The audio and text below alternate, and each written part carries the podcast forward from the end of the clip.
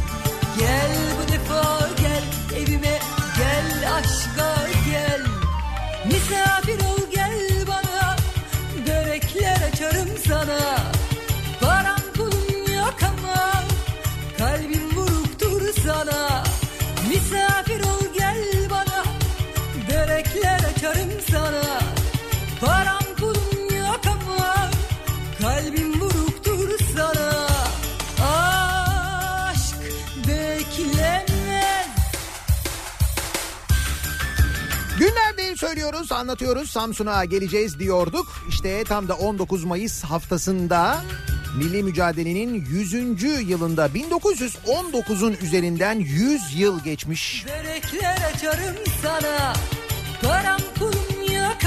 Mustafa Kemal Atatürk önderliğinde yapılan Kurtuluş Savaşı'nın en önemli anlarından bir tanesi Mustafa Kemal Paşa ve silah arkadaşlarının 1919'un 19 Mayıs'ında ilk adımlarını Samsun'a atmalarıyla başlıyor aslında. Hepimizin bildiği, neredeyse ezbere bildiği Bandırma vapuruyla yapılan seyahat. Epey de zorlu bir seyahat.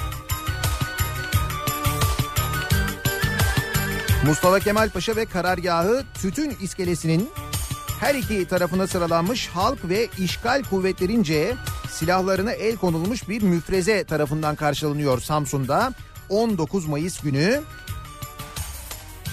25 Mayıs 1919'da Mustafa Kemal Paşa ve karargahı e, Mantika Palas ve Karadeniz Oteli'nden 3 otomobille Samsun'un Havza ilçesine doğru yola çıkıyorlar ve e, Mustafa Kemal Paşa Havza'da Mesudiye Oteli'nde ağırlanıyor. 30 Mayıs'a kadar Havza'da kalıyor ve burada Müdafaa-i Hukuk Cemiyeti'ni kurduktan sonra Samsun'da Havza'da milli mücadelenin ilk mitingini de Havza'da gerçekleştiriyor. Yani sadece Samsun, Samsun iskelesi işte tütün iskelesi değil. Havza'nın da mesela çok önemli bir rolü var milli mücadelenin başlangıcında aynı zamanda. Sebepsiz çekip gitti. Tabii bu e, tarihimize dolayısıyla böyle kocaman harflerle yazılıyor Samsun'un Kurtuluş Savaşı'ndaki bu rolü. Sonra 20 Eylül 1924'te Cumhuriyet ilan edildikten sonra Kırıyorum gerçeği. Ben sensiz kimsesiz. Ben sensiz Sabahın erken saatlerinde Hamidiye Kruvazörü kendisini takip eden Peyki Şevket torpidosuyla beraber yavaş yavaş milli mücadele tarihinin başlangıç noktası olan ve Türkiye Cumhuriyeti'nin ilk Cumhurbaşkanı olan Gazi Mustafa Kemal Atatürk'ün hayatında çok önemli bir yere sahip olan Samsun'a geliyor. Büyük bir kalabalık ve coşkuyla karşılanıyor Atatürk Samsun'da Cumhuriyet kurulduktan sonra Kurtuluş Savaşı bittikten sonra. Ertesi gün Türkiye'nin ilk kez yerli sermaye ile inşa ettiği Samsun Çarşamba Demiryolu inşaatının temel atma töreni gerçekleşiyor. Sonraki günlerde Samsun kıta atı askeriyesini teftiş ediyor ve Samsun Belediye Başkanı ile görüşüyor. Samsun'a ikinci gelişi Mustafa Kemal'in. Üçüncü kez 1928 yılında geliyor. harcar Bu sefer yeni harfleri halka öğretmek ve yaymak üzere geliyor. Bu ziyaretinde memurların yeni Türk harfleriyle ilgili yarışma programlarını izliyor. Ve 23 Kasım 1930 yılında saat 14.30'da otomobille Samsun'un kazası olan Çarşamba'ya geliyor. Dördüncü ziyareti de bu Samsun'a aynı zamanda. Ben de biliyorum Samsun Lisesi'ni ziyaret ediyor. Tarih, coğrafya ve felsefe derslerine giriyor. Samsun Türk Ocağı'nı ziyaret ediyor. Samsun o yüzden Atatürk'e o kadar çok önem veriyor ki e, 19 Mayıs'ı Gazi Günü olarak kutluyorlar. Bu nedenle e, aşkımıza ağlarken hiç bana sordun? Kendisine doğum gününü soranlara da 19 Mayıs'ı işaret ediyor Mustafa Kemal Atatürk birkaç sohbette. Bu şekilde 19 Mayıs'ın ve Samsun'un hatırlanmasına vesile olunca Samsun halkı 1926 yılından itibaren 19 Mayıs'ı Gazi Günü olarak kutlamaya başlıyor. Atatürk ilk kutlamalarla ilgili Samsun valisi Fahri Bey'e bir telgraf gönderiyor ve bu durumdan çok memnun olduğunu söylüyor. 1927 yılı 19 Mayıs Gazi Günü kutlamaları çerçevesinde Atatürk 19 Mayıs günü ve Gazi heykelinin temel atma törenleri için de aynı zamanda Samsun'a geliyor. hiç bana sordun mu of aşkımıza ağlarken? Hiç bana sordun mu ah sevgimizi harcarken? Buna hakkın yok hakkın yok. Ve 4 Temmuz 1938 tarihinden itibaren de 19 Mayıs günü Gençlik ve Spor Bayramı olarak kabul ediliyor. Atatürk bu önemli günü Samsun'a çıktığı günü resmen 19 Mayıs 1939'dan itibaren Gençlik ve Spor Bayramı olarak kutlanmaya başlıyor. Ama işte resmi bayram günü olarak göreviyor Mustafa Kemal bugünü 19, 19 Mayıs 1939'u.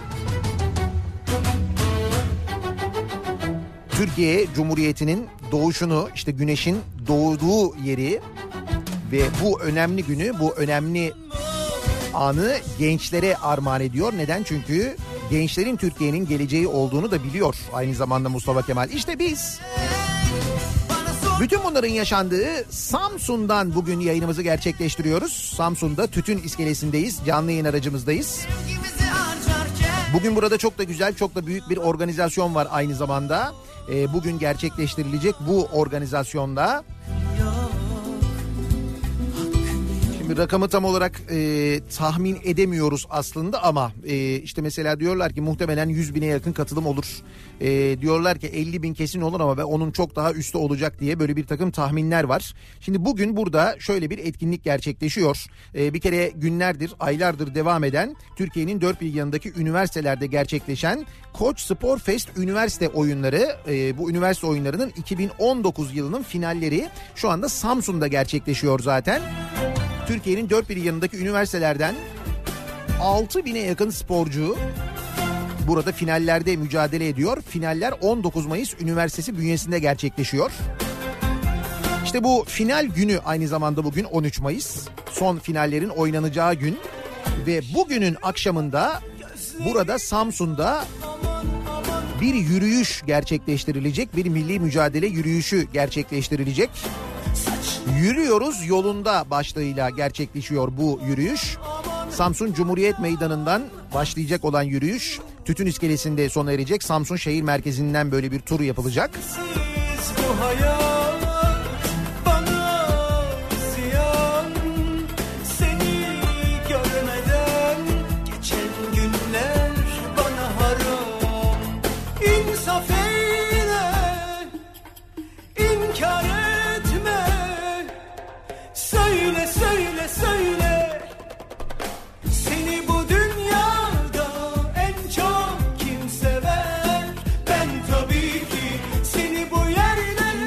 Samsun'da dinleyen dinleyicilerimiz için hemen söyleyelim.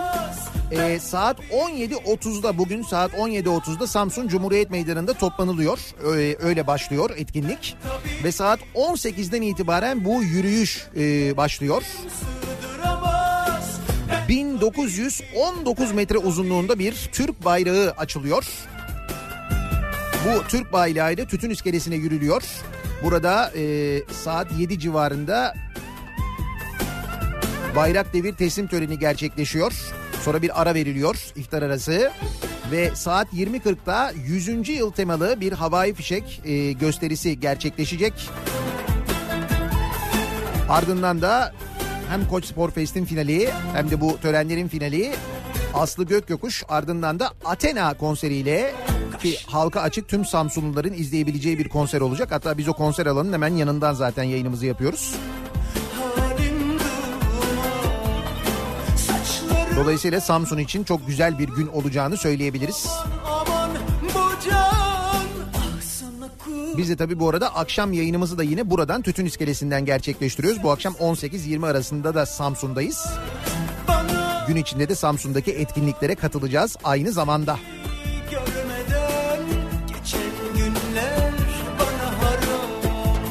İnsaf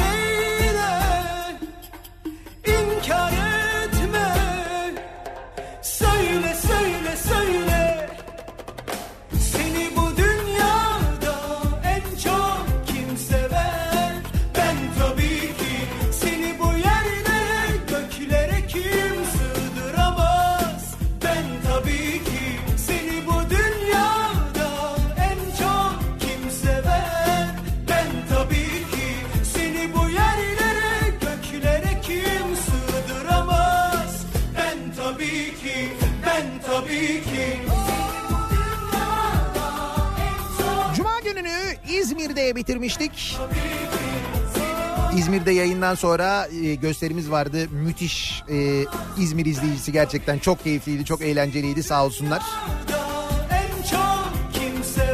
Cumartesi günü Ankara'ya geçtik İzmir'den. Cumartesi akşamı Ankara'da Çağdaş Gazeteciler Derneği'nin 2018 yılı yılın gazetecileri ödül töreni vardı. Yılın gazetecilerine, haberlerine ödüller verildi aynı zamanda. Ee, basın emekçileriyle bir arada olmak, gerçekten haber yapmak için uğraşan gazetecilerle e, işte böyle bilgisayar oyunlarından grafik alıp mesela haber yapanlarla değil de gerçekten haber yapan gazetecilerle gazete için, habercilik için emek harcayan insanlarla bir arada olmak gerçekten çok gurur vericiydi. Radyo dalında e, sağ olsunlar bizi ödüle layık gördüler. Bu program Nihat'la Muhabbet programı ve Güçlü Mete'nin e, Kripto Odası programı. Ve elbette Kafa Radyo. Bu ödüllere layık görüldü. O nedenle kendilerine çok teşekkür ediyoruz. Gönderdiğiniz mesajlar için de ben çok teşekkür ederim. Gerçekten çok gurur verici. Çağdaş Gazeteciler Derneği'nden böyle ilkeli duruşu olan yıllardır bu ilkeli duruşunu hiç bozmayan bir dernekten ödül alıyor olmak ayrıca mutluluk verici, gurur verici. Elbet Ateş yaktığı yerde de Sen Ve dün de Ankara'dan Samsun'a geldik. Gayet güneşli ama serin bir Samsun sabahındayız onu söyleyeyim. Bayağı serin hem de.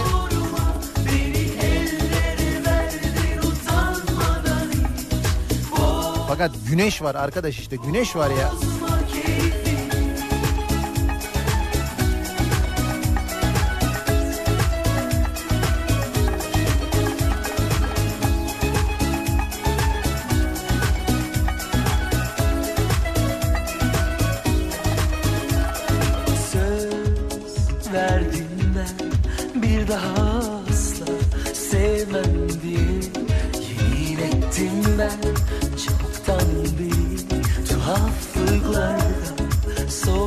Aşkı ve korkuyorsam Bir nedeni var elbet ateş yaktığı yerde de Sen bunları duymadın farz et Bendeki izleri takip et Benim aşka inancım Söylemeden geçemeyeceğim bu arada aradığım turboyu Samsun'da buldum. Turbo Ali. Gördün mü sen onu Murat Seymen havaalanından gelirken? Samsun'daki böyle billboardlarda e, bir baktım böyle bir yazı var. Turbo Ali yazıyor. Dedim, Turbo Ali ne? İşte aradığınız turbo Samsun'da her türlü turbo tamilatı bilmem ne falan değil. Turbocuymuş kendisi. Turbo Ali. Bir zamanlar Düzce'de Manav Ömer vardı. Hala duruyor mu bilmiyorum. Ben Ankara'ya gidip gelirken böyle yolda yerel radyoları dinlemeyi çok severim. Düzce'nin bir yerel radyosunda bir reklamına denk gelmiştim seneler önce. Manav Ömer iyi günler diler. Manav Ömer. Hay Allah'ım dilime bir dolanmıştı. Günlerce onu söylemiştim ben sabah. Radyoda yayın öyle başlıyordum. Manav Ömer iyi günler diler. Manav Ömer. İşte yıllar sonra böyle bir yerel girişimle karşı karşıyayız. Turbo Ali.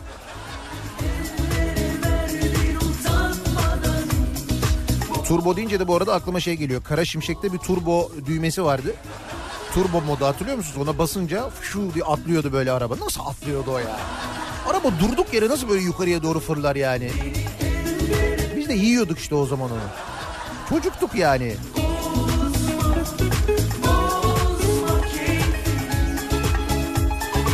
Epey de hareketli bir hafta sonu oldu. Gündem açısından da hareketli bir hafta sonu oldu. Olaylar, olaylar. Hepsiyle ilgili konuşacağız. Ama önce dönelim bakalım nasıl bir sabah trafiğiyle başlıyoruz haftaya. Kafa Radyo Yol Durumu. Ramazan olması dolayısıyla sakin ama yine de pazartesi sabahı trafiğine layık bir yoğunluk. İstanbul'da Anadolu'dan Avrupa'ya geçişte ikinci köprü trafiği an itibariyle e, Ataşehir'i geçer geçmez başlıyor. Aralıklarla Kavacık girişine kadar bu yoğunluğun sürdüğünü görüyoruz. Birinci köprüde ise Çamlıca rampası ortası itibariyle başlayan bir yoğunluk var. Çamlıca gişeler öncesi yoğunluğu henüz oluşmamış. Avrasya Tüneli girişinde de çok ciddi bir sıkıntı yok. E, Avrupa yakasında Tem'de Bahçeşehir trafiği başlamış bu sabah. E, özellikle Isparta Kulesi orasında Altınşehir'e kadar etkili bir yoğunluk olduğunu görüyoruz. Devamında hareketlenen tem trafiği otogar sapağı sonrasında yavaş yavaş yoğunlaşıyor ve bu yoğunluk Ok Meydanı sapağına kadar sürüyor şimdilik ama artacaktır o yoğunluk da orada. E5 trafiği teme göre daha rahat. Ee, biraz avcılar Küçükçekmece arasında yoğunluk var ama devamında şimdilik çok ciddi bir sıkıntı yok. Sahil yolu trafiği gayet açık. Sevindirici olan herhangi bir kaza bilgisi, bir kaza haberi yok. İstanbul'dan da diğer büyük kentlerden de elimize ulaşan sevgili dinleyiciler. Bir ara verelim. Reklamlar için İstanbul'a merkez stüdyomuza dönelim. Reklamların ardından Samsun'dan canlı yayında yeniden birlikteyiz. Kafa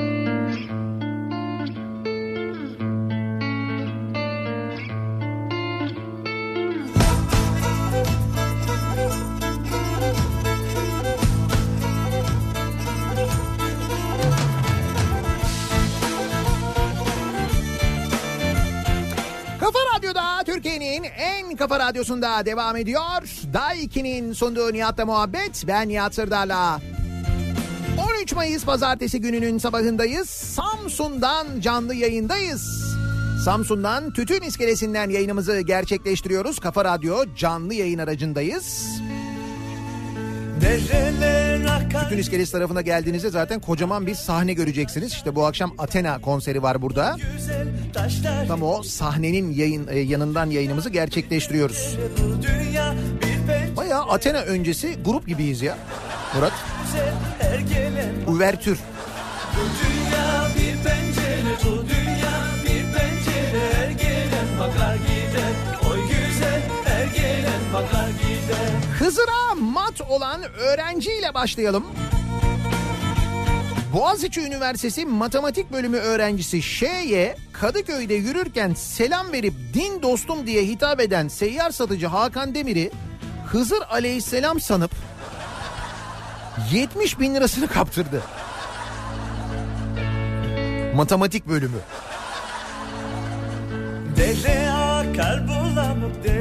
Şimdi olayı şöyle anlatmış genç. 24 Kasım günü İstanbul Kozyatağı'nda yürürken karşımdan gelen sanık Hakan Demir selamun aleyküm diye selam verdi ve elini uzattı. Ben de kabalık olmasın diye tokalaştım. Din dostum diye konuşmaya başlayıp yoksullar için soba kuruyorum. Bir soba 180 lira dedi. Yoksullar için soba kuruyorum demiş. O gün cebimdeki 80 lirayı kendisine verdim. Bu paranın yetmeyeceğini söyledi. Evde biraz para olduğunu söyleyince benim de birlikte evimize geldi. Sokakta bekledi. Yukarı çıkıp 300 lira alıp aşağı indim ve kendisine verdim. Telefon numaramı isteyince numaramı da verdim. Aradan birkaç gün geçtikten sonra beni gizli numaradan aradı. Telefonda yine bana selamun aleyküm dost diye hitap etti. İlk tanıştığımız gün Hakan'ın Hızır Aleyhisselam olduğunu düşünmüştüm karşıdan gelince böyle. Neyse. Konuşması ve sohbeti beni çok etkilemişti. Ve içten gelmişti. Ayrıca yolda bir anda karşıma çıkmıştı. Bana yine soba kurmak istediğini söyleyerek annenin zinetleri var onları bana getirebilir misin dedi. Hızır Aleyhisselam ya biliyor. Zinet olduğunu evde yani. Benim olmayan bir şeyi getirmemin doğru olmadığını söyleyince Cenabı Hak buyuruyor dost Allah yerine koyacak deyip telefonu kapattı. Karanlık Beni üç gün sonra tekrar aradı ve ne yaptığımı sordu. Bulamadığımı söyleyince beni Erenköy'e çağırdı. karanlık Bak Erenköy'e çağırıyor. Eren hani oradan da etkileniyorsun. Buluştuktan sonra bir süre yürüdük. Bana telefonu sat bir soba daha yakalım dedi. Her şeyi soba yakmak için ha. Başka bir niyet yok yani. Ben de oradaki bir telefon dükkanına telefonumu 300 liraya sattım ve parayı kendisine verdim. Ayrılırken bana bir telefon numarası daha verdi ve bana ulaşmak istersen bu numarayı ara ve Hızır'ım orada mı diye sor dedi. İyi daha bir telefonu sattık. Ya arayacağım ama nasıl arayacağım değil mi? Nereden arayacağım yani? Hızır'ım orada mı diye soruyorsun. Oradan da birisi böyle telefonu kapatıyor. Oğlum seninkilerden biri arıyor lan yine. Yine benden ziynet eşyası bulmamı istedi ve 3 gün süre verdi. 2 gün sonra kendisini aradım ve buluştuktan sonra iki çift küpe ve bir altın kolyeyi kendisine verdim. Bir soba daha yandı. Ne güzel bak. Yanından ayrılırken bana yolda birisiyle karşılaşacaksın. O senden yardım isteyecek. Ona yardım et dedi. Eve gittim ama kimseyle karşılaşmadım. Demek ki o denk gelemedi. Sokakta bulamadı herhalde. Oğlum git bak bizim bir tane saf var git onu bul falan diye. Denk gelmediyse demek. Telefonla aradığında kendisine bunu söyleyince bana o zaman senin gönül gözün açık değil dedi. Ha bak o yüzden denk gelmemiş sokakta kimseyle. Birkaç gün sonra tekrar beni aradı ve 12 parça ziyneti daha tamamlayamadın dedi. Ben de satranç turnuvasından kazandığım ve bankada duran 4170 lirayı çektim. Ayrıca evde annemin 11 küpesiyle bir zincirini de alıp Hakan'a verdim. Bu çeke çeke Bir hafta sonra ailem durumu fark edince birlikte karakola gidip şikayetçi olduk. Sanık Hakan'a verdiğim nakit para ve altınların toplam değeri 70 bin lira civarındadır dedi. Şey Bitti zannediyorsun değil mi? Bitmiyor abi. Bitmiyor. Sobalar yanmaya devam ediyor. Şikayette bulunduktan sonra 3-4 gün sonra Hakan Demir'in yeniden aradığını ve 12 tane kurban kesilecek 12 bin lira lazım bulabilir misin dediğini söylüyor bu genç. Tamam dedim ve hemen polisi aradım. Aradan birkaç gün geçtikten sonra Hakan beni yine gizli numaradan aradı. Parayı bulduğumu söyledim. Buluşmak için Ümraniye Modoko'ya gittim. Ha, sobaları yakmak için sunta alacaklar herhalde. Modoko ya hani. Ya da şey belki sobayı yaktık şimdi orayı bir döşemek lazım. O yüzden Modoko'dan mobilya almak lazım. Polisler etrafta tertibat almıştı. Hakan benim kendisine Hızır olarak inandığımı bildiği için bana başka suretle gelebilirim demişti. Oo! Bu da güzelmiş. Bak canım ben baş Hızır'ım ya ben başka bir suretle gelebilirim. Şaşırma. Ben beklerken daha sonradan Hakan'ın babası olduğunu öğrendiğim Eyüp isimli şahıs geldi. Ailece soba yakıyorlar yani. Polisleri fark edince kaçmaya başladı ancak polisler onu yakaladı. Polisler cep telefonuna baktıklarında son arama- aramalarda benim cep telefon numaramı görmüşler. Daha sonra Hakan'ı da yakalamışlar. Bana gösterince kendisini teşhis ettim. Mahkeme heyeti ŞY'yi hayatlarında ilk kez gördüklerini söyleyen Eyüp Demir ve Hakan Demir'in tutuklanmalarına karar vererek duruşmayı erteledi. Hakan Demir ve babası şu anda cezaevinde soba yakıyorlar. Söze gerek yok biliyoruz bu işi biliyoruz bu işi Fazla söze gerek yok biliyoruz Biliyoruz bu işi abi. Biz bu işi biliyoruz bak. Ee, her hafta diyoruz ki ya daha nasıl insanlar kandırılabilir, dolandırılabilir farkındasınız değil mi? Soba yakacağız. İşte fakirleri doyuracağız. Kurban etlerini şuraya vereceğiz. Bu, bu bir bireysel organizasyon biliyorsun hani. Bireysel girişimcilik. Bunun daha organize olanı var. Dernekleşiyorlar. Dernek olarak yapıyorlar biliyorsun. Neydi? Ne feneriydi o? Bir şey vardı değil mi?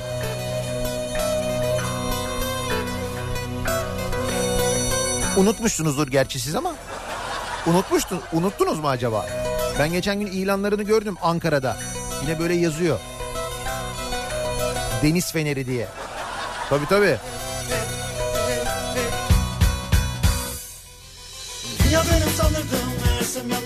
Biz de şöyle bir şey denesek mi Murat acaba? Şimdi havalar çok ısınacak ya soba olmaz artık. Klima. Efendim bir e, ihtiyacı olanlara klima kuruyoruz halkımız serinlesin diye bir yardım falan.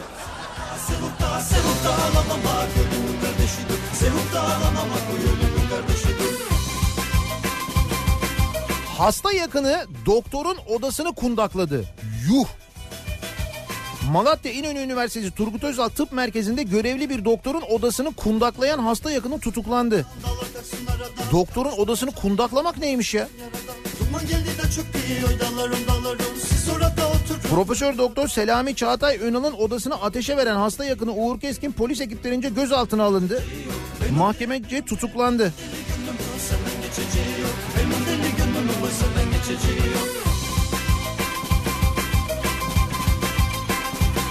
Ay bakıyorum böyle habere bir şey var mı diye sadece olayın detayıyla ilgili bilgi var. Öyle yaktı şöyle oldu bilmem ne falan diye ama neden yakmış niye yakmış?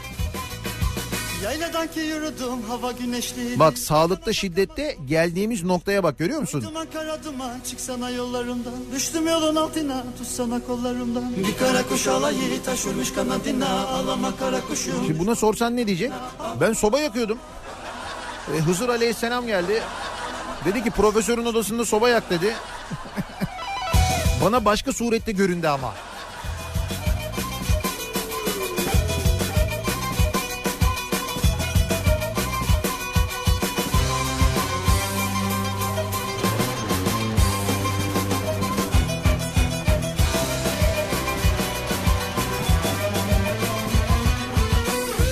Bizim kırmızı çizgimiz neydi?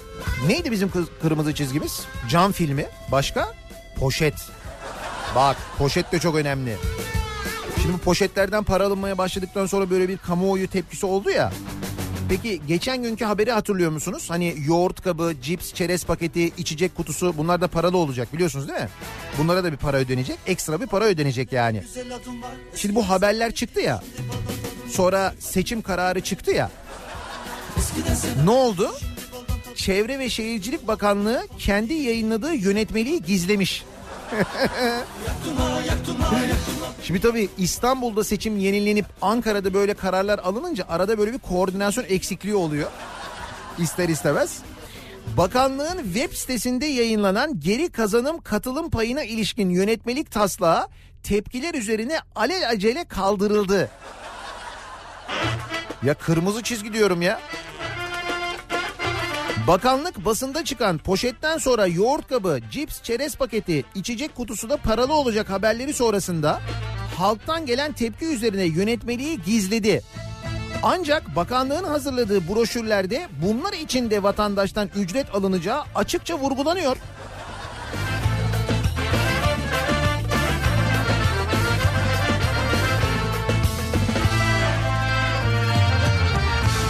İyi de sen bunu gizlesen ne olacak ki? Biz buna para ödemeye başlayınca anlaşılacak bu.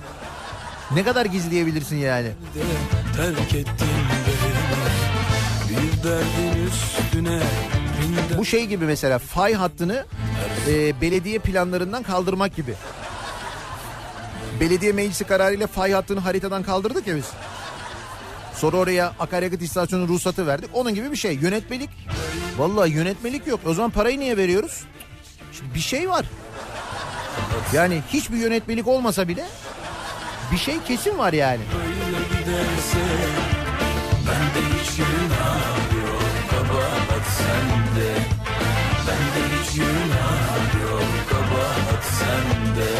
para ödemek demişken bence bu daha güzel. Şimdi Milli Eğitim Bakanı Ziya Selçuk 23 Nisan Ulusal Egemenlik ve Çocuk Bayramı'na ilişkin öğrenci ve velilere mektup göndermiş. Sana böyle bir mektup geldi mi Muratçım? Aa sana gelmedi mi? Ulaşmadı mı? Adresinde bulamamışlardır. Mutlaka göndermiştir. Bütün velilere, öğrencilere falan mektup göndermiş Milli Eğitim Bakanı. Şimdi buraya kadar normal 23 Nisan ya kutlama babında falan filan. Fakat sonra ne olmuş? Bu mektubun faturası okullara kesilmiş. Cumhuriyet'ten Ozan Çepni'nin haberine göre bu arada Ozan Çepni de Çağ- Çağdaş Gazeteciler Derneği'nden ödül aldı geçtiğimiz cumartesi günü. Bakanın mektubu birçok ilde basılıp dağıtılırken 23 Nisan'ın ardından okullara ödeme talimatı gönderildi. İstanbul'da okullar Zeytinburnu Ticaret Odası Mesleki ve Teknik Anadolu Lisesi'ne bastırılırken okullara gönderilen fatura ortaya çıktı. Mektupların adet fiyatı 50 kuruş olarak belirlendi. 800 broşür için KDV hariç birim fiyatı 50 kuruş olarak belirlenirken okullara 72 lirada vergi hesabı çıkarıldı. Şimdi Milli Eğitim Bakanı çocuklara e, ve velilere mektup gönderiyor. O mektubun parasını çocuklardan ve velilerden alıyorlar doğru mu? Çünkü bunu şimdi okul kendi bütçesinden vermez ki. Okul da diyecek ki çocuklar hadi bakalım mektubun parasını verin. Öyle demeyecekler mi? Öyle diyecekler. Ne sevindirdin Ama bu paranın bu mektup parası istenirken mektup parası diye istenmemiş okullarda. Farklı gerekçelerle işte matbuat ücreti falan böyle. Olurdu ya. Katkı payı, ha katkı payı. Katkı payı daha genel oluyor. Katkı payı deyince daha güzel oluyor. Aşkımız bitecek Böyle giderse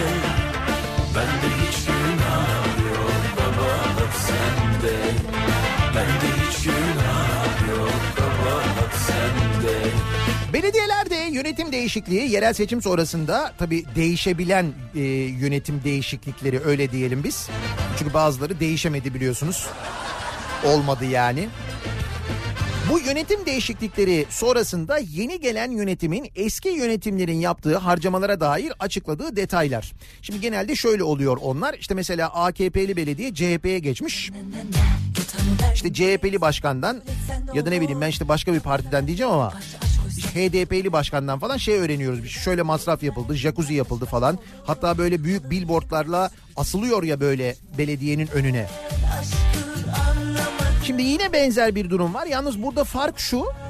Mevzu Cumhur İttifakı içinde geçiyor. Yani AKP'li belediye MHP'ye geçiyor. Ve bakın ondan sonra ortaya neler çıkıyor. 31 Mart yerel seçimlerinde AKP'den MHP'ye geçen Kastamonu Belediyesi'nde AKP döneminden kalma 100 bin liralık pastırma faturası çıktı. 100 bin liralık pastırma faturası. Belediyede. Şimdi kabul Kastamonu pastırması hakikaten iyidir, güzeldir de. 100 bin liralık kim yemiş onu ya? Ne yapmışlar 100 bin liralık pastırmayı? Nasıl yaptılar acaba ya? Şimdi Ramazan çok da detaya girmeyeyim anlatmayayım da sabah sabah benim aklıma bir iki yöntem geldi çünkü. MHP Kastamonu İl Başkanı Yüksel Aydın nerede yediniz o pastırmaları diye sormuş. Kastamonu'da AKP'li Tahsin Babaş'tan görevi devralan MHP'li Galip Vidinlioğlu belediyenin geçmişten kalan 78 milyon 490 bin lira borcu olduğunu açıklamış. Kastamonu Belediyesi'nin 78 milyon borcu varmış. Yeni yönetim faturaları incelerken 100 bin liralık pastırma faturasını da bulmuş. Vidinlioğlu bütçenin yüzde 40'ı ilk 3 ayda önceki yönetimci kullanılmış ve 34 adet ihale yapılarak belediyenin 24 milyon lirası taahhüt altına sokulmuş. Toplanacak gelirlerden geriye 38 milyon kalıyor. Bu miktar personel giderlerini bile karşılamaya yetmez demiş. Belediyenin borçları ile ilgili açıklama yapan MHP Kastamonu İl Başkanı Yüksel Aydın da AKP'li belediye döneminde 100 bin liralık pastırma yenildiğini açıklamış. Demiş ki biz Cumhur İttifakı'nın her zerresine uyduk ve uyacağız. Liderlerimizin talimatlarıyla yerel siyasetimizi şekillendireceğiz demiş. Pastırmaya şekil verecekler herhalde. Kastamonu şekli. Özel bir şekil. Kastamonu Belediyesi'nde 100 bin liralık pastırma yemişler. Nerede yediniz o pastırmaları? Biz Cumhur İttifakı hatırına birçok şeyi görmezden geliyoruz. Demiş MHP Kastamonu İl Başkanı. Öyle mi? Görüp söylemedikleri başka bir şey de mi var acaba? Ne olabilir? Ya mesela 100 bin liralık pastırmadan daha enteresan ne olabilir acaba?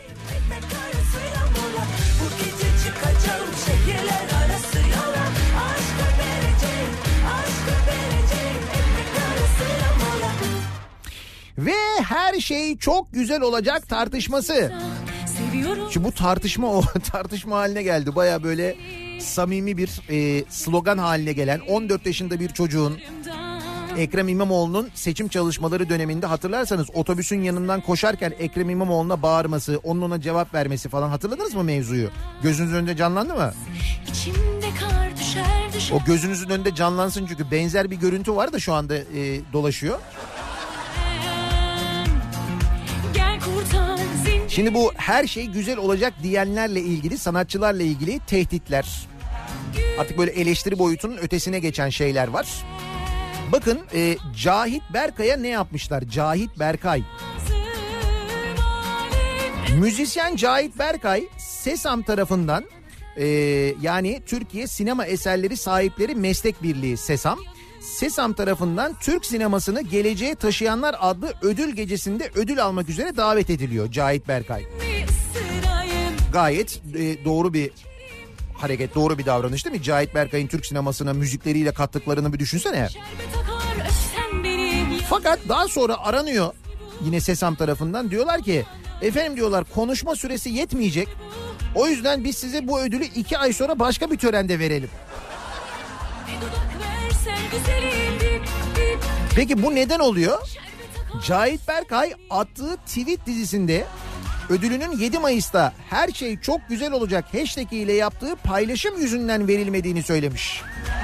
Yani bu ödül törenine davet ediliyor. Aradan bir zaman geçiyor. O arada her şey çok güzel olacak diye tweet atıyor. Cahit Berkay sonra arıyorlar Sesam'dan diyorlar ki efendim süre yetmiyor. Yani süre yetmiyor. O yüzden biz sizi bir sonraki ödül töreninde bir ara böyle bir Bak gelinen noktayı görüyorsunuz değil mi? Cahit Berkay'a bunu yapıyorlar. Yetiyor mu? Yetmiyor.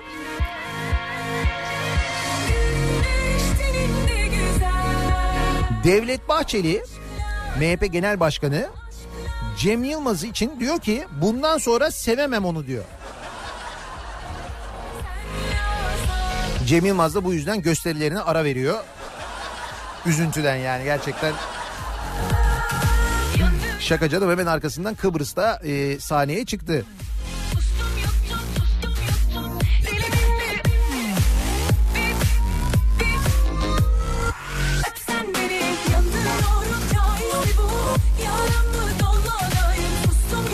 Ama bence en güzel yanıtı Can Yılmaz verdi. Cem Yılmaz'ın abisi.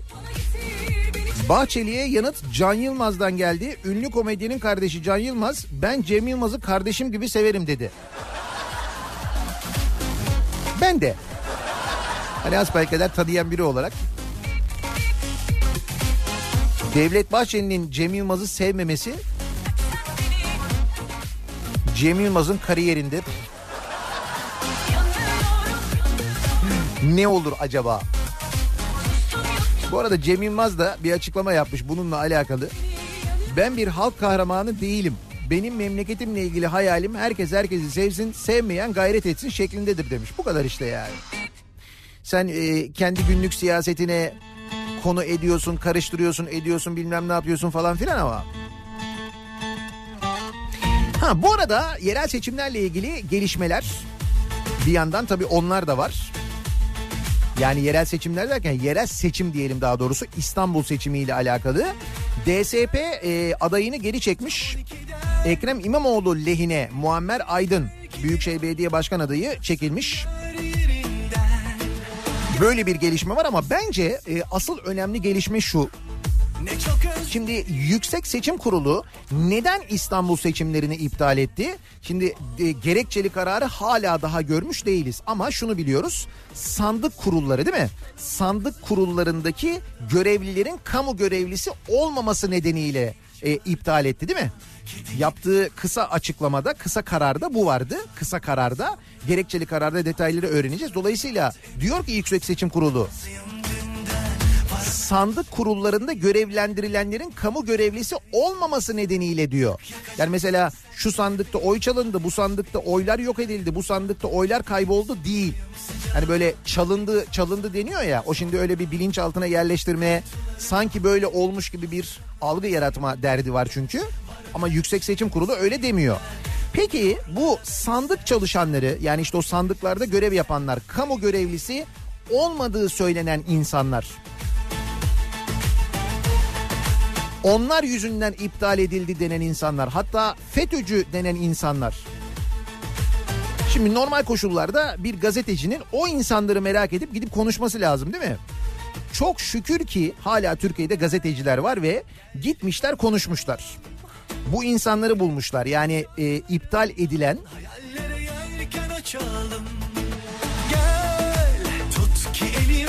o iptal edilen sandıklarda görev yapan e, kamu görevlisi olmadığı söylenen insanlarla konuşmuşlar. Peki ne olmuş biliyor musunuz? Bakın kamu görevlisi olmayan bir banka çalışanı. Hani diyorlar diye şu bankadan görevliler var, bu bankadan görevliler var. Bakın o banka çalışanlarından bir tanesi demiş ki seçimden yaklaşık iki hafta önce insan kaynakları çağırdı. Görevlendirme olduğunu söylediler. Benim böyle bir talebim yoktu. Başka arkadaşlara da tebliğ gitti. Görevi almak istemediğimizi söyledik. İlçe seçim kurulu mazeret kabul etmiyormuş. Görevi almazsak cezai yaptırımla karşılaşacaktık demiş. Yani tabii seni yüksek seçim kurulu görevlendiriyor. Görevlendirme yazısı geliyor. Senin adınla geliyor bu arada yazı. Hani mesela sizin bankadan 20 kişi gönderin değil. Sizin bankadan Murat Seymen görev yapacak diyor. Sen Murat Seymen olarak diyorsun ki hayır ben istemiyorum görev almak. Öyle bir şey yok diyor. Bunun cezası var diyor kanunda. Geleceksin diyor. Görev yapacaksın diyor. Bir sandık kurulu başkanı da diyor ki ben seçimlerde devamlı görev alıyorum. O zaman FETÖ'cü olmadığımda şimdi nasıl olacak? Bu nasıl mantık diye sormuş. Daha önceki seçimlerde görev yapan. Cumhurbaşkanlığı seçiminde, referandumda sandık başkanı olarak görev yapmış. O seçimlerle ilgili hiç problem olmamış ama bu seçimde demişler ki sen kamu görevlisi değilsin olamazsın. Halbuki görevlendirmeyi yapan kim? Yüksek Seçim Kurulu.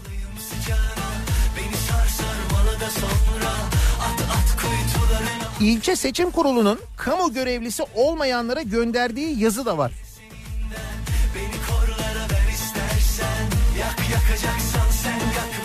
Yani o yazıda da diyor ki işte diyor görevlendirme yapılmıştır. Eğer diyor görevinizin başında olmazsanız cezai yaptırımı vardır falan diye. Onlar da yazıyor o belgede. İlçe Seçim Kurulu göndermiş.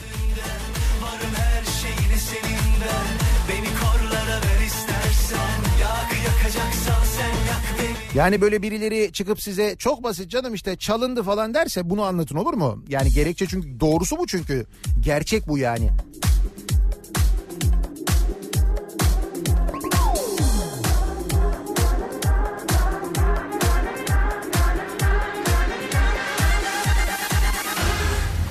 Ve hepsinden önemlisi aslında bugün Türkiye'de belki en çok konuşulması gereken ama işte siyasi atışmalar, siyasi çekişmeler, iptal edilen İstanbul seçimleri ve benzeri konular sebebiyle bir türlü ya da belki de bilerek bir türlü gündeme gelmeyen aslında gelen ama görmezden gelinen ekonomi mevzu.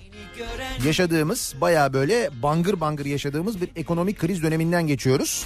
Bir, bir ekonomik krizle ilgili bu ekonomik krizle ilgili Hazine ve Maliye Bakanı e, hafta sonu CNN Türk canlı yayına katılıyor ve orada açıklamalarda bulunuyor.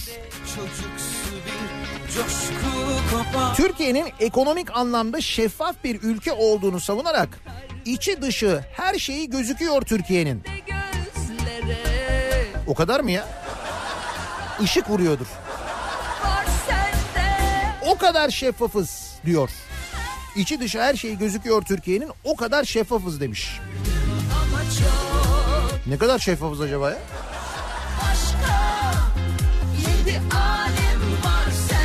Tünelin ucunda ha Türkiye Mayıs ayının sonunda cari dengede sıfıra yaklaştığı yaklaştığı yere doğru hızla giriyor. Tünelin ucundaki ışık daha da görünür halde. İşte ben de ondan korkuyorum o tünelin ucundaki ışık bize doğru geliyor ya.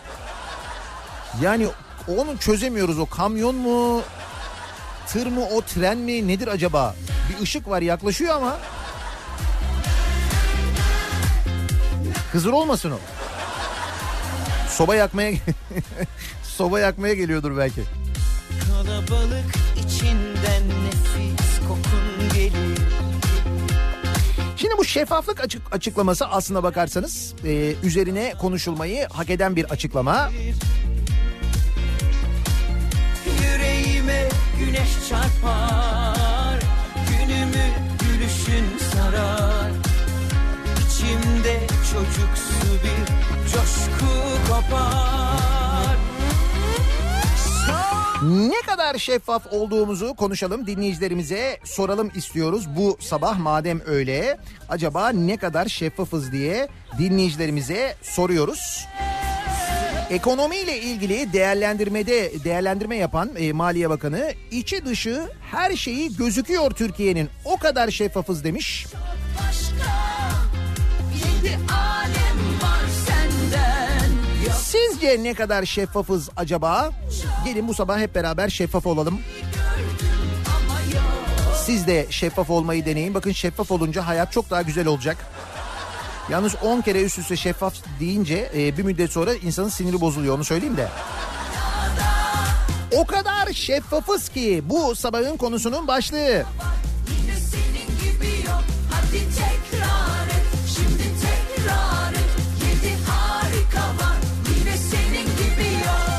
Sosyal medya üzerinden yazıp gönderebilirsiniz mesajlarınızı. Twitter'da böyle bir konu başlığımız, bir tabelamız, bir hashtagimiz an itibariyle mevcut. O kadar şeffafız ki ne kadar şeffafız acaba bir düşünelim bakalım etrafımıza olan bitene bir bakalım.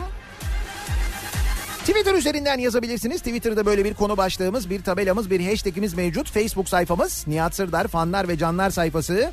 nihatetnihatsırdar.com elektronik posta adresimiz. Ayrıca 0532 172 52 32 WhatsApp hattımızın numarası. Buradan da yazabilirsiniz. 0532 172 kafa. Samsun'dan canlı yayındayız. Yayınımızı bu sabah Samsun'dan, Samsun Tütün İskelesi'nden gerçekleştiriyoruz. Mustafa Kemal'in kurtuluş mücadelesini başlatmak için 19 Mayıs'ta geldiği ayak bastığı yere çok yakın bir noktadan yayınımızı gerçekleştiriyoruz. Reklamlar için İstanbul'a dönüyoruz. Reklamların ardından yeniden buradayız.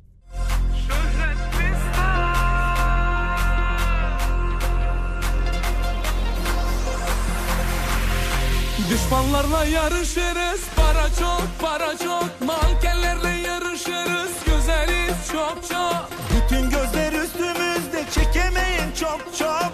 Yakalar arabamız var.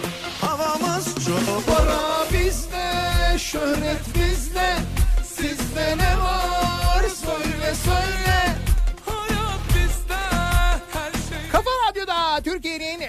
Kafa radyosunda devam ediyor. Daiki'nin sunduğu Nihat'la muhabbet. Ben Nihat Sırdar'la. 13 Mayıs pazartesi gününün sabahında Samsun'dan canlı yayındayız. Samsunlu dinleyicilerimiz geliyorlar. Reklam aralarında onların yanlarına iniyorum ben. Bu arada mikseri Murat Seymen'e emanet ediyorum. Ama şarkıları ben seçtim. Ayrı.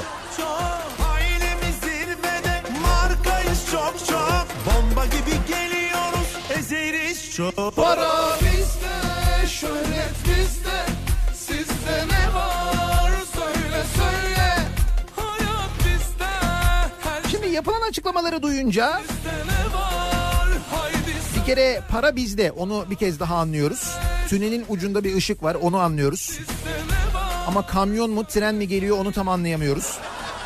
Fakat çok net bir şekilde anladığımız bir şey var. Türkiye'nin çok şeffaf olduğunu öğreniyoruz. Biz de ne kadar şeffafız acaba diye dinleyicilerimizle bu sabah konuşuyoruz. O kadar şeffafız ki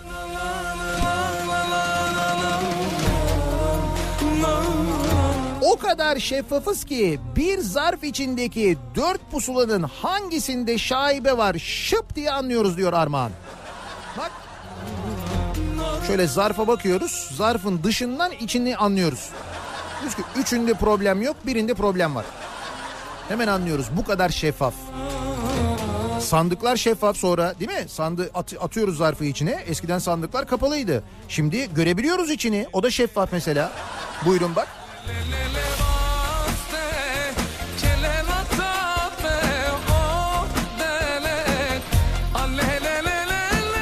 İntihal konusunda o kadar şeffafız ki diyor Serdar.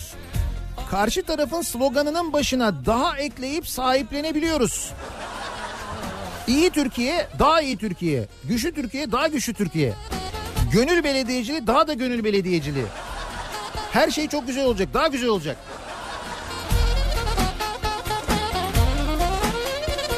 Yalnız şöyle bir durum var. Taklitler asıllarını yaşatır diye bir şey vardır bilir misiniz? O çok geçerli bir kuraldır ha.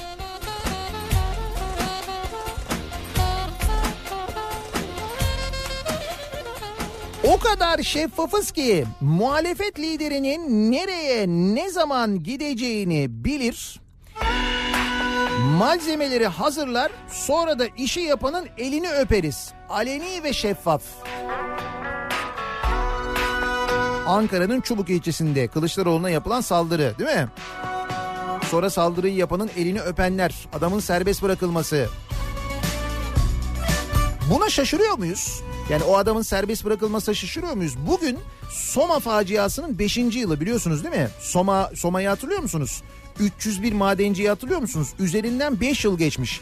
Peki o Soma maden şirketinin sahibinin serbest bırakıldığını, madencilik ruhsatının kendisine verildiğini, yeniden verildiğini biliyor musunuz? 5 yıl ya 5 yıl 301 insan öldü. Adam 5 yıl içerideydi. Bu arada mahkeme süreci. Orada o mahkeme sürecinde neler yaptılar neler.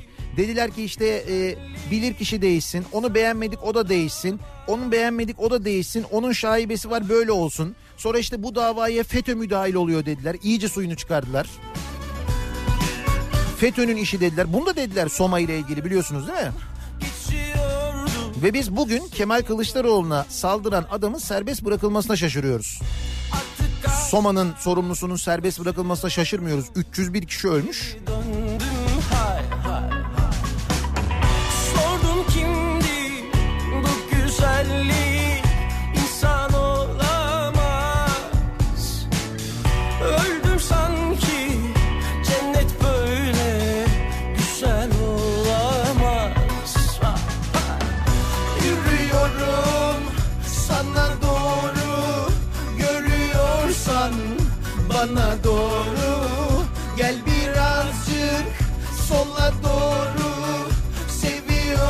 Seviyorsan bana doğru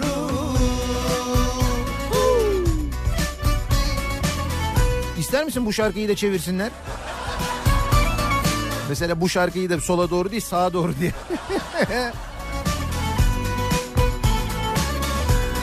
O kadar şeffafız ki sloganları bile rahatlıkla sahiplenip araklayabiliyoruz. Vallahi dün öyle oldu.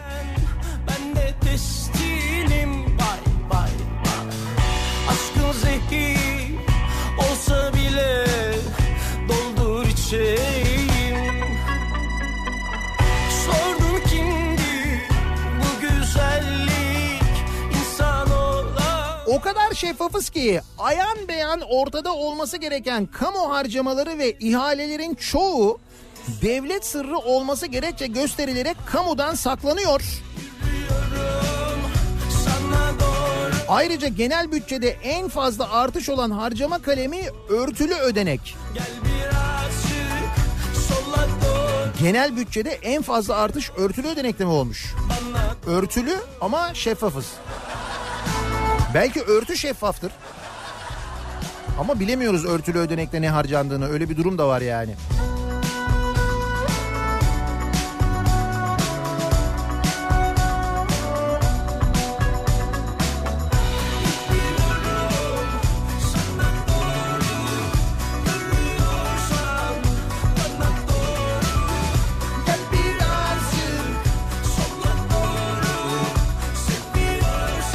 O kadar şeffafız ki şeffaflık akıyor üzerimizden diyor Hakan. Bakın mesela işsizlik konusunda ne kadar şeffafız. İşkur işsizlik fonu şaibesini artırıyor. İşkur'un 4 aydır işsizlik maaşı istatistiklerini yayınlamamasını eleştiren CHP'li Ünal Demirtaş, işsizlik rakamını gizlediğinin göstergesi olan bu durum işsizlik fonu ile ilgili zaten şaibeli olan duruma daha da şüpheleri artırıyor demiş. İşsizlik fonunda toplanan paralar ne oluyor? İşsizlik ne durumda? O paralardan insanlara ne kadar işsizlik maaşı ödeniyor? Bunları öğrenemiyoruz mesela. Şeffaflık Kaç kişi işsizlik maaşı alıyor? Bunların istatistiği 4 aydır yayınlanmıyormuş. 4 aydır. Son günlerde hiç keyfim yok. Canımı çok sıkıyorsun ama ben. Mart Şubat'tan daha şeffaf. Nisan zaten Mart'tan daha şeffaf. Mayıs o O hasta ruhun için Demek ki Haziran'da çırılçıplak kalıyoruz. Hiçbir şey kalmıyor yani. saatten sonra sana küsecek değilim. Şu kısacık ömürde canımı üzecek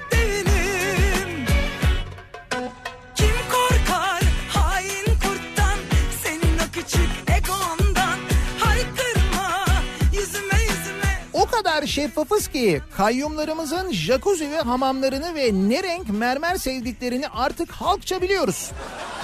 Evet eskiden belediye başkanlarının makamlarındaki jacuzzileri, banyoları, mermerleri görebiliyor muyduk? Bir söyleyin Allah aşkına görebiliyor muyduk? Bak artık ne renk mermer sevdiklerini, ne renk böyle banyo malzemesi sevdiklerini bile biliyoruz. Mermerde açık gri seviyorlar. Diğerleri altın kaplama. Ben şahsen öyle biliyorum. Son günlerde hiç keyfim yok.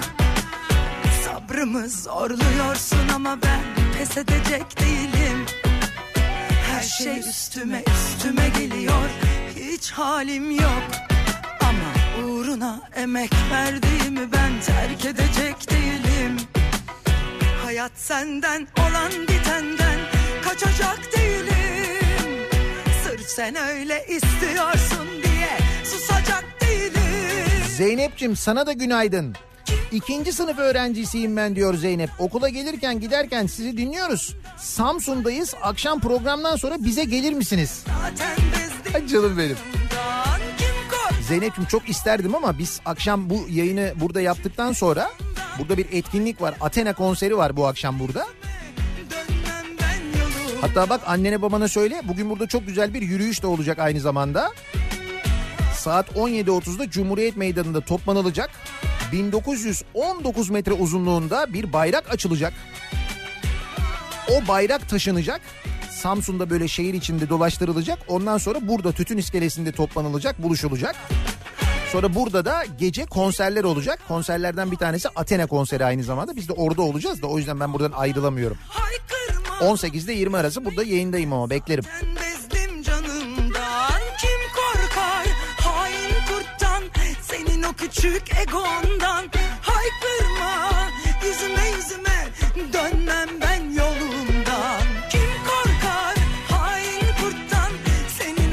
Ankara'dan Nadir birilerinin yaptığı yolsuzluk, gaf, taciz, tecavüz gibi konularda o kadar şeffafız ki anında yayın yasağı geliyor. Ha bir de böyle bir yayın yasağı durumu var değil mi? Öyle bir şeffaflık durumu var yani.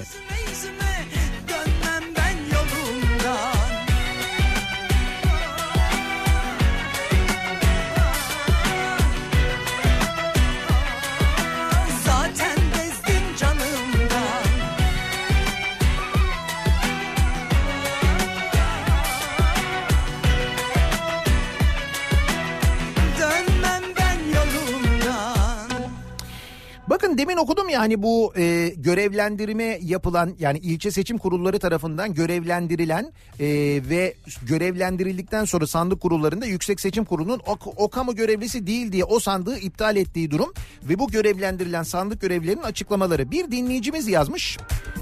Diyor ki e, dinleyicimiz ben 4 seçim memur üye olarak görev aldım.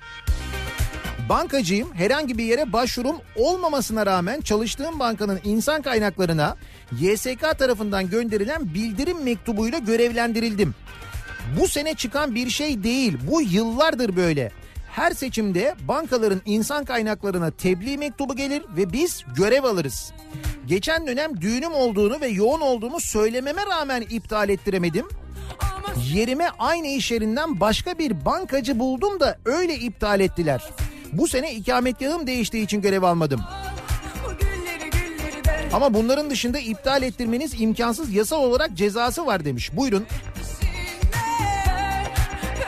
Yani Yüksek Seçim Kurulu diyor ki sen diyor sandıkta görev yapacaksın diyor. Sen diyorsun ki istemiyorum ben diyor ki yapacaksın kanuni zor cezası var diyor. Sen gidiyorsun görev yapıyorsun sandıkta. Sonra aynı Yüksek Seçim Kurulu geliyor diyor ki sen o sandıkta görev yaptığın için o sandığı iptal ediyorum diyor. Diyorsun ki nasıl ya? E sen görevlendirdin beni. Olmaz diyor. Burada diyor tam kanunsuzluk var diyor. Sen memur değilsin diyor. Diyorsun ki abi sen dedin bana yani sen gönderdin yazıyı dedin ki gideceksin mecburen görev yapacaksın dedim. Ben de geldim mecburen görev yaptım diyorsun. Eh. Koca seçim bu yüzden iptal oluyor bakın.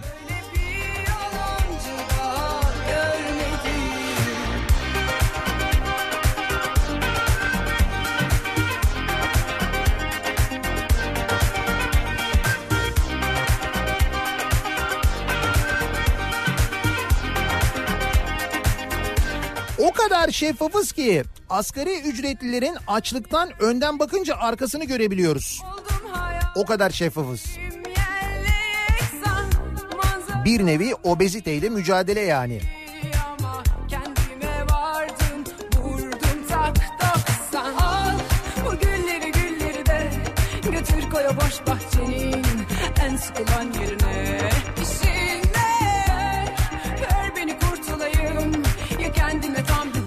kadar şeffafız ki eskiden delillere göre karar veriliyordu. Şimdi kararlara göre delil üretiyoruz diyor Zafer. Yılmaya Bence delile de gerek yok. Gerekçeye de gerek yok.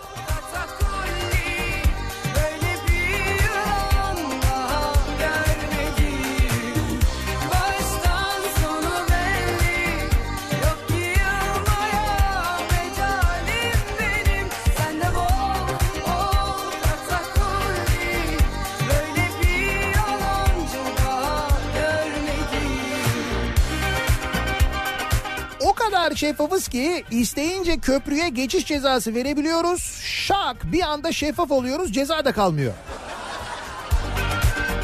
Köprü cezaları şimdi diyorlar ki İstanbul'da diyorlar yeniden seçim olacak ya. E, e İstanbul'daki radarlar yine çalışmaz diyorlar. Olur mu öyle bir şey acaba? Ben hiç sanmıyorum canım. Seçimlerden önce böyle radarlar kapanıyor, ceza kesilmiyor falan. Ben öyle bir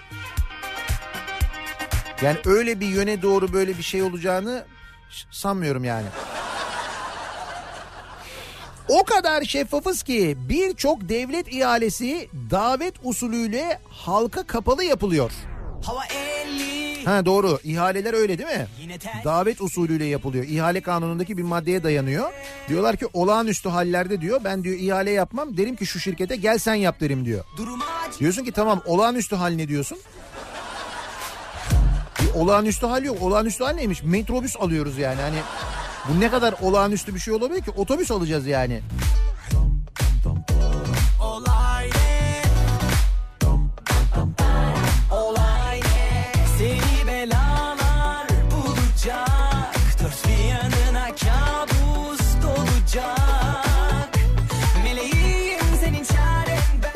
Kadar şeffafız ki Ramazan'da verilen fitre ve zekatları, verilen yemekleri yedi cihana duyuruyoruz. Eskiden bu yardımlar yapılırken yardım yapan ins yardım yapılan insanı da rencide etmemek için duyurmazdık değil mi? Şimdi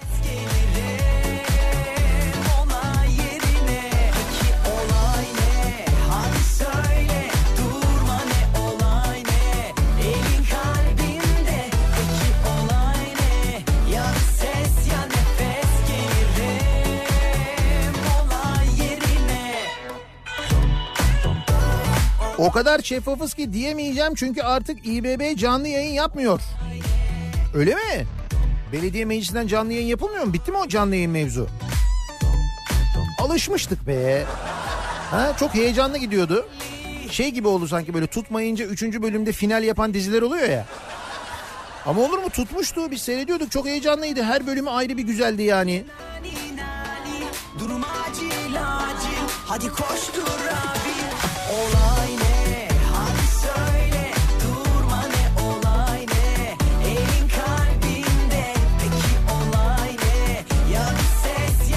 O kadar şeffafız ki Milli Piyango çekiliş sonuçlarını canlı yayınlıyoruz ama yine şaibeye yakalanıyoruz. Sonra da hiçbir şey olmamış gibi davranıyoruz. Hakikaten bir numarada olmuyor yani.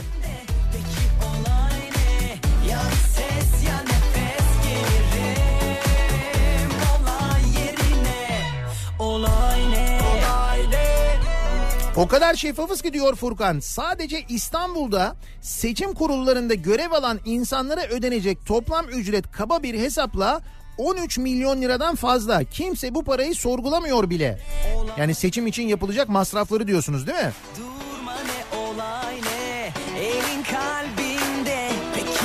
Programın başında bu ikinci bölümün başında ne çaldım ben az önce? Para bizde çaldım anlamadınız değil mi? 13 milyon neymiş? Para bizde diyorum ya.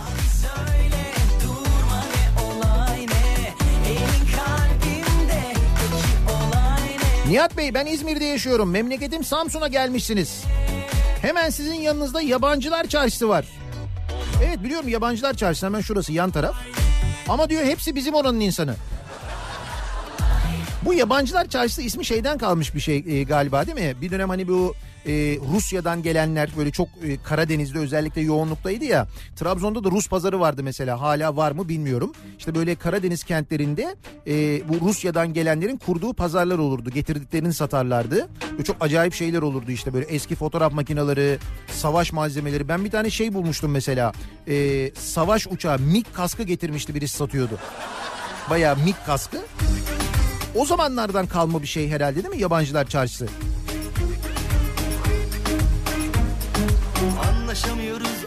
Ama bugün yine de bir gezelim bakalım ne satılıyor merak ettim ben de. Yabancı bir şeyler mi satılıyor acaba Murat Seymen? Yalnız olur da çarşıda dolaşırken biri gelirse bir soba yakacağız bir yardım falan derse bak aman ha. Onu söyleyeyim yani ona dikkat etmek lazım. Soyuna sopuna sapına kadar gördük Ana dili yan dili kuş dili çözdük Uzlaşma dediğimiz yozlaşma Aşk ile şevk ile derdiler öldük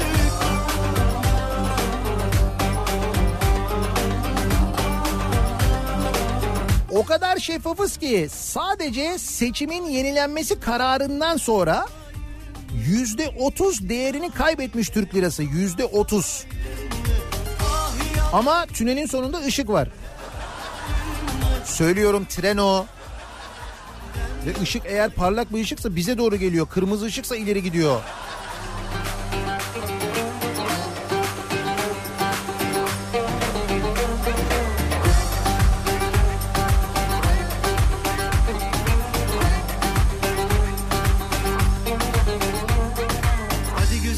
Gözüm diye diye Arkadan içe kaka götürülebilir mi ha? Kurulu düzeni kuru gülleri Bırakıp vazgeçebilmesi kolay mı ha? Ama gördüğün netice bundan ibaret. Nişan aldık. O kadar şeffafız ki referandum için ben varım sen de var mısın diyenler el üstünde tutulurken en ufak bir eleştiri yapan sanatçılar neredeyse vatan haini ilan edilecek.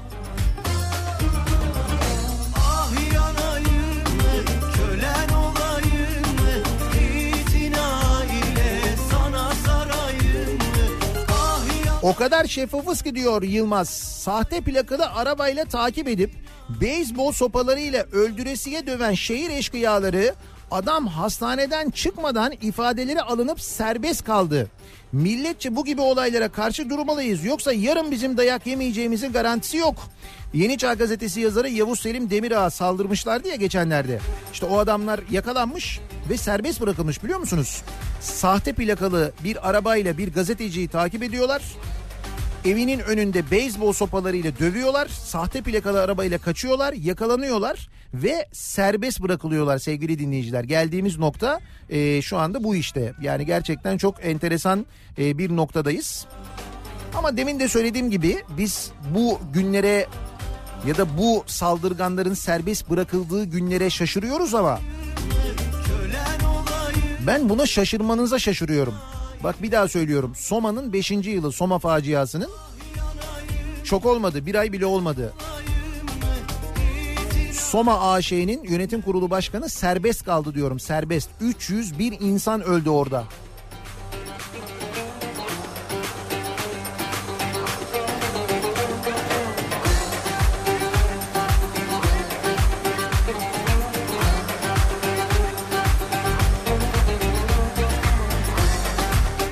Kadar şeffafız ki seçmenler siliniyor.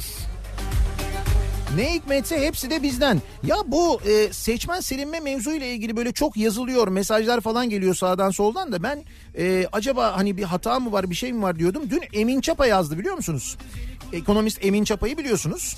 Emin Çapa YSK'nın internet sitesine giriyor. Seçmen kaydını kontrol ediyor ve e, eşi de kendisi de yok.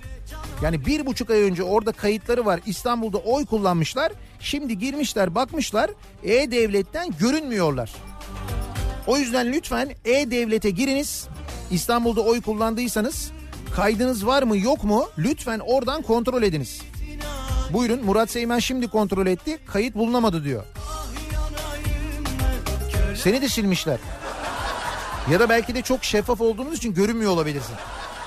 Belki de öyledir. Buyurun. Peki ne yapacaksınız bu durumda? Nüfus müdürlüğüne başvuracaksınız değil mi? Ben kontrol ettim. Ee, bayağı önce kontrol ettim. Bende bir problem yok. Kayıt duruyor. Ama bak Emin Çapa'yı silmişler mesela. Murat Seymen'i silmişler mesela. Buyurun. İşte bunlar hep şeffaflık.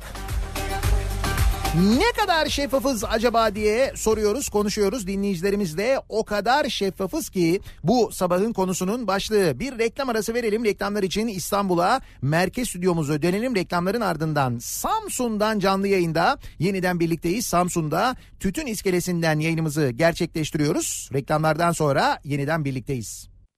Kafa Radyo Yol Durumu.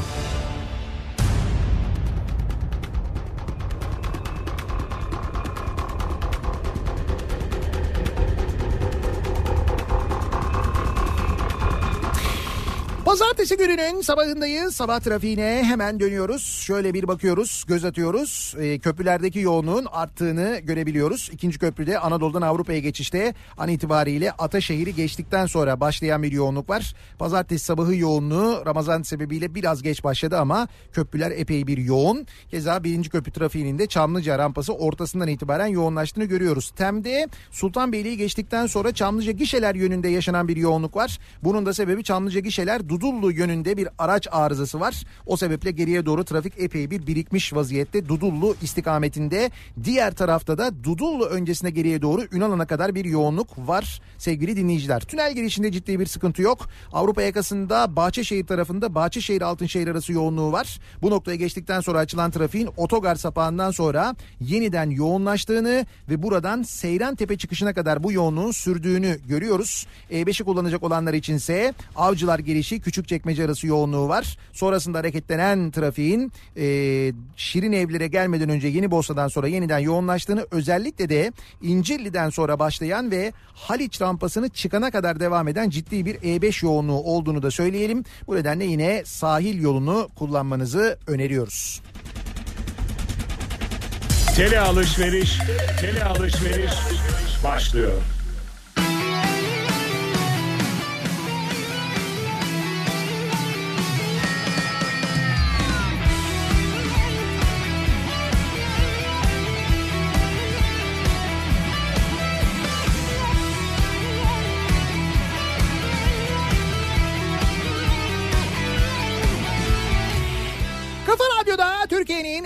Kafa radyosunda devam ediyor. İkinci yeni nokta.com'un sunduğu... Ne ikinci yeni nokta.com'u ya? Kafa tamamen dışarıda ya şu anda. Şimdi dışarıda bayağı bir kalabalık var. Ben e, yol durumuna yetişeyim diye paldır küldür içeriye girdim. Yol durumunu veriyorum. O sırada böyle işte sağa sola bakıyorum. Önümde evraklar var. Bir şeylere bakıyorum falan. İyice karıştı dolayısıyla. Daiki'nin sunduğu Nihat'la muhabbet devam ediyor. Samsun'dan canlı yayındayız. Samsun Tütün İskelesi'nden yayınımızı gerçekleştiriyoruz. Bir ceviz ağacıyım Gülhane Parkı'nda Ben bir ceviz ağacıyım Gülhane Parkı'nda Tabii bugün Samsun'da oluşumuzun sebebi evet pazar günü 19 Mayıs. Milli mücadelenin 100. yılı 19 Mayıs'ın 100. yılı. Bugün burada çok önemli bir etkinlik var. Şimdi Türkiye'de Nisan ayı başından beri devam eden Türkiye'nin üniversitelerinde gençlerin katıldığı bir festival. Koç Spor Festivali Koç Holding'in her sene gerçekleştirdiği bir festival bu ve üniversitelerde gençler spor müsabakalarına katılıyorlar ve bunların finali bu müsabakaların finali bu sene burada 19 Mayıs Üniversitesi bünyesinde gerçekleşiyor. Türkiye'nin dört bir yanından gelen 6 bine yakın sporcu var, genç var. İşte onların da katılımıyla bugün akşam saat 18'den itibaren ki 17.30'da toplanmaya başlanılacak. Cumhuriyet Meydanı'nda Samsun'da saat 18'de başlayacak bir yürüyüş gerçekleştirilecek. Milli mücadele yürüyüşü. Bu yürüyüşte 1919 metre uzunluğunda bir Türk bayrağı olacak. Bu Türk bayrağı Samsun'da dolaştırılacak sonra tütün iskelesine gelinecek burada buluşulacak ve tütün iskelesinde yapılacak törenin ardından saat 21.30'dan itibaren burada konserler başlayacak.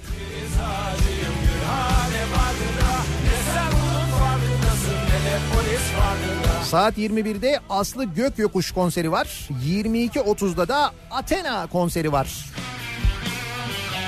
Konserler ücretsiz. Tüm Samsun halkı katılabiliyor. Keza yürüyüşe de aynı şekilde.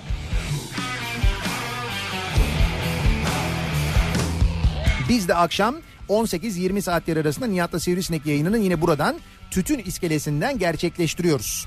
Samsun'da dinleyenlere, Samsun ve civarında dinleyenlere duyurmuş olalım.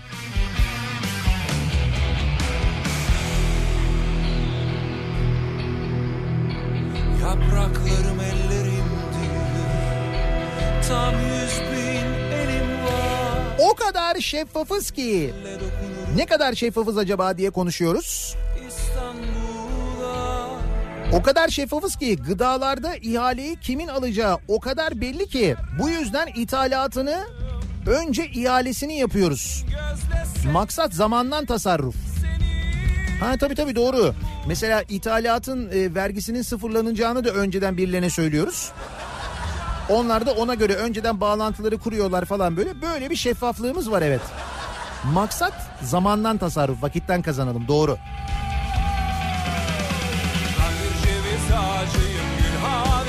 Parkı'nda Ben bir ceviz ağacıyım Gülhane Parkı'nda Ne sen bunun farkındasın ne de polis farkında. Ne sen bunun farkındasın ne de polis farkında. Ben bir ceviz ağacıyım Gülhane Parkı'nda Ben bir ceviz ağacıyım Gülhane Parkı'nda Ne sen bunun farkındasın ne de polis O kadar şeffafız ki diyor Selçuk.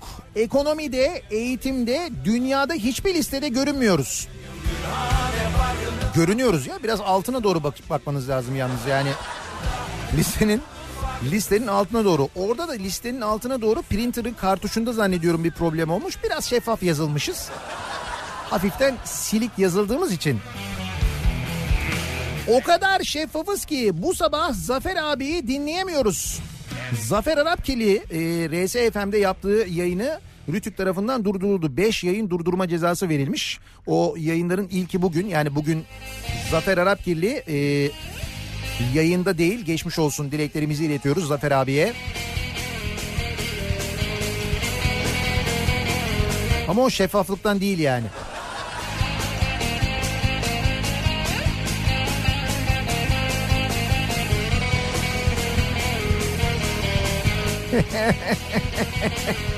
Bak bu güzel ama. Zafer diyor ki slogan yaratmada o kadar şeffafız ki diyor. Mart'ın sonu bahar dediler. Ramazan'ın sonu bayram diye cevap geldi. Şimdi baharın sonu yaz diyorlar. Kurbanın sonu kavurma diye cevaplamalarını bekliyorum diyor. oluyor Senin anandan doğan Senin anandan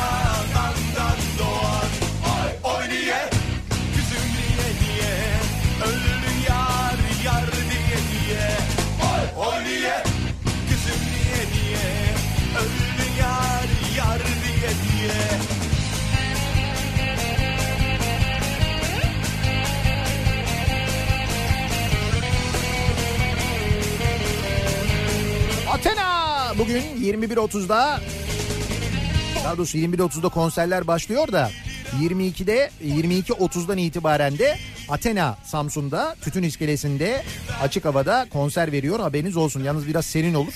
Bence sıkı giyinin gelin onu söyleyeyim.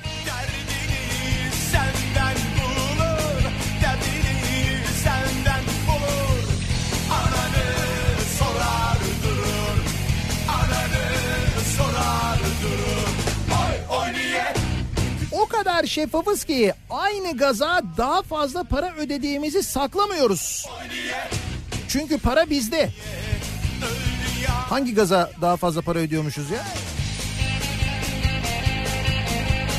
Enerji uzmanı Doktor Peters Türkiye'nin aynı miktarda gaza Avrupa'ya kıyasla her yıl yaklaşık 4 milyar dolar fazla ödediğini söylemiş. O ne demekmiş ya?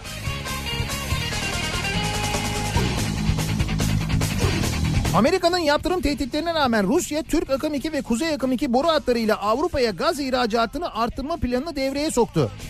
Rus gazını 1224 kilometrelik boru hattıyla Baltık Denizi'nin altından Almanya'ya taşıyan 55 milyar metreküp kapasiteli Kuzey Akım 1 projesinde 2011'den bu yana gaz akışı devam ediyor. Kuzey Akım 2 projesinde de sona yaklaşıldı.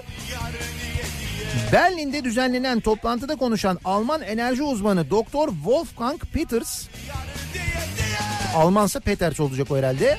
Amerika'nın sıvılaştırılmış doğal gazıyla Rus boru gazının rekabeti aracılığıyla Avrupa'nın fiyatı düşürebildiğini söylemiş. Peters, Türkiye'nin aynı miktardaki gaza her yıl Avrupa'ya göre 4 milyar dolar fazla ödeme yapmak zorunda kaldığını ifade etmiş. Türkiye'nin de ucuz gaz temin edebilmesi için Avrupa gaz piyasası ile entegre olabilmesi, gaz depolama kapasitesini arttırması ve gaz gazı alım satımını yapabilmesi gerektiğine dikkat çekmiş. O dediğin çok zor ya. Avrupa gaz piyasasıyla piyasasıyla entegre ol, gaz depolama kapasitesini arttır, gaz alım satımı yap bilmem. Onlarla uğraşacağımıza fazladan parayı ödüyoruz. E çünkü para bizde. 4 milyar dolar neymiş ayrıca senede canım?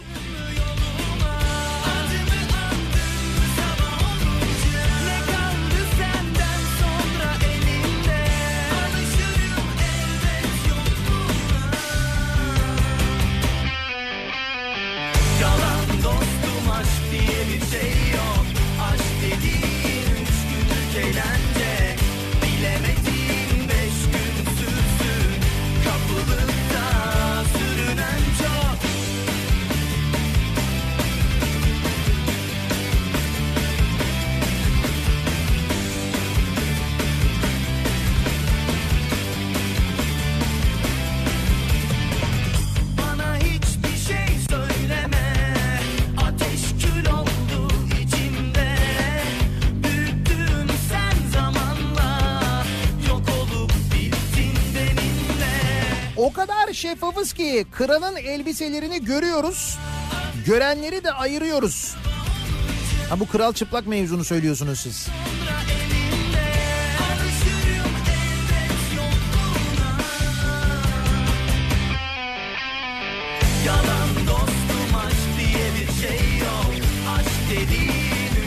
Bak bu E-Devlet'ten ikametgah kaydınızı ve seçmen kaydınızı kontrol edin sevgili dinleyiciler. Bir, bir sıkıntı var. Yani gelen mesajlardan anlıyoruz kontrol eden dinleyicilerimiz var. Bak az önce Murat Seymen kontrol etti. Murat Seymen'de de mesela seçmen kaydı görünüyor, ikamet kaydı görünmüyor. Emin Çapa'nın seçmen kaydı görünmüyormuş mesela. Bu insanlar bir önceki seçimde İstanbul'da oy kullanan insanlar bu arada. Sorunsuz. eğlence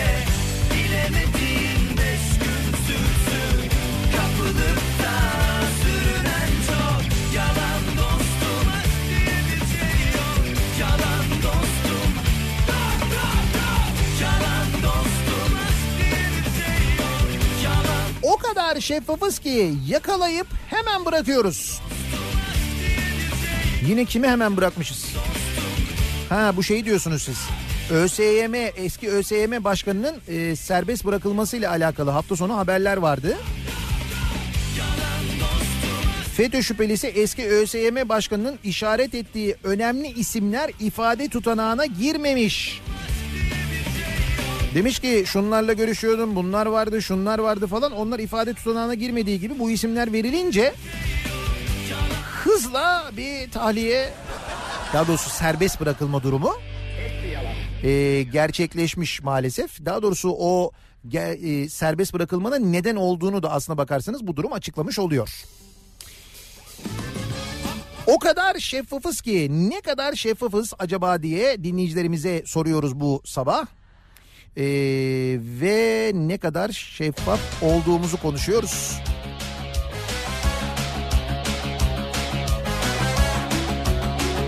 O kadar şeffafız ki yazarken bile kelimelerimizi dikkatli seçiyoruz.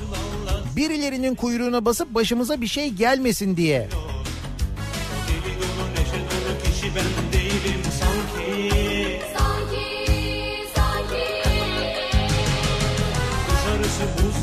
lapa lapa kar var. Benim içim yanıyor. Eksi 40 derece soğuk suda bile yüzerim inan ki. Kara sevda, kara sevda Dedikleri daha ne olabilir ki? Kara sevda, kara sevda Seni benden kim ayırabilir ki? Çocukça bir aşk deyip de geçme Sakın gülme halime. Nasıl olduğunu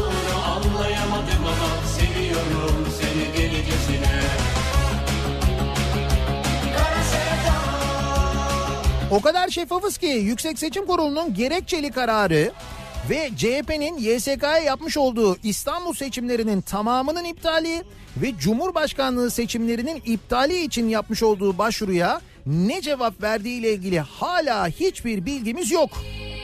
Evet mesela gerekçeli kararı hala bilmiyoruz. Ama bu İstanbul'daki seçimlerin tamamının iptaliyle ilgili başvurusunu YSK bugün görüşecekmiş CHP'nin ve Cumhurbaşkanlığı seçimlerinin iptali için olan e, itirazı da. Kara sevda, kara sevda Dedikleri daha ne olabilir ki Kara sevda, kara sevda Seni benden kim ayırabilir ki Çocukça bir aşk deyip de geçme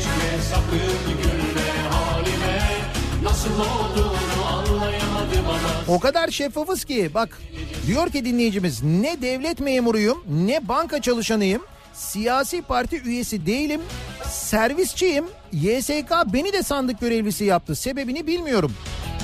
Mesela bu dinleyicimize de gelmiş sandık görevlisin diye görev kağıdı gelmiş. Şimdi o görev kağıdı geldiğinde sen gidip hayır ben katılmıyorum diyemiyorsun. Yasal zorunluluk yani. Ondan sonra diyorlar ki bak gördün mü bu servisçi sabahları Nihat Sırdar dinliyor. Bunu da görevlendirmişler sandıkta derlerse ne olacak?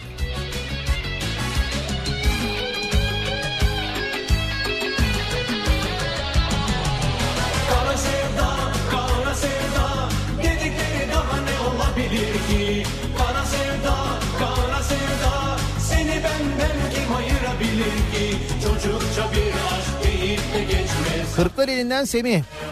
Cüzdanlarımız gerçekten şeffaf. Çünkü boş diyor.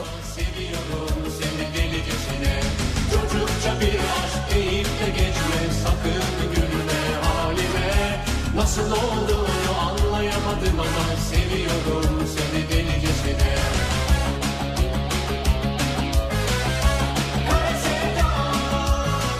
kadar şeffafız ki 10 milyarlık telekomu 5 milyara sattık. Onun da parasını alamadık. Onu da geçtik. Adamlar bütün kabloları bile alıp gittiler. Yani önden bakınca arkasını gördük resmen diyor. Doğru valla. Telekom'da resmen öyle oldu yani. Bir ara verelim reklamlar için İstanbul'a merkez stüdyomuza dönelim. Reklamların ardından Samsun'dan Tütün İskelesi'nden canlı yayında yeniden birlikteyiz. Tanımazsın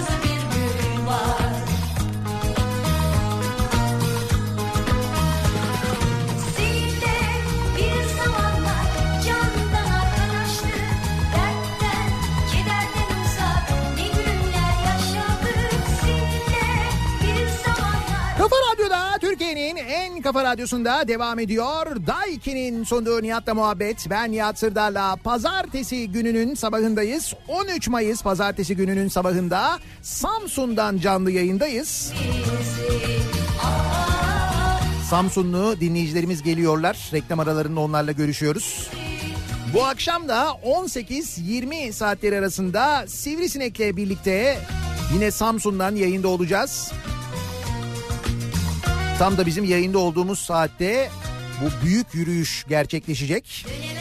Samsun'da şehir merkezinde Cumhuriyet Meydanı'ndan başlayacak. Şehir merkezinden geçecek. Sonra tekrar Tütün İskelesi'ne gelinecek. Binlerce kişinin hatta on binlerce kişinin katılması bekleniyor. Epey kalabalık olacak. Tam da 19 Mayıs haftasında milli mücadelenin 100. yılında Samsun'da Zaten Samsun'un dört bir yanında 100. yılla ilgili e, pankartlar asılmış, billboardlar hazırlanmış, birçok hazırlık gerçekleştirilmiş. İşte bu hafta Samsun'da epey bir yoğun geçecek. Biz de en azından bir bölümünde olmaktan son derece mutluyuz. Birazdan Kripto Odası programı başlayacak. Güçlü Mete Türkiye'nin ve dünyanın gündemini sizlere aktaracak Samsun'dan canlı yayında. Akşam 18'de 18 haberlerinin ardından Sivrisinek'le birlikte ben yeniden bu mikrofondayım. Tekrar görüşünceye dek hem güzel bir gün hem de güzel bir hafta geçirmenizi diliyorum. Hoşçakalın. Ayrılık rüzgarı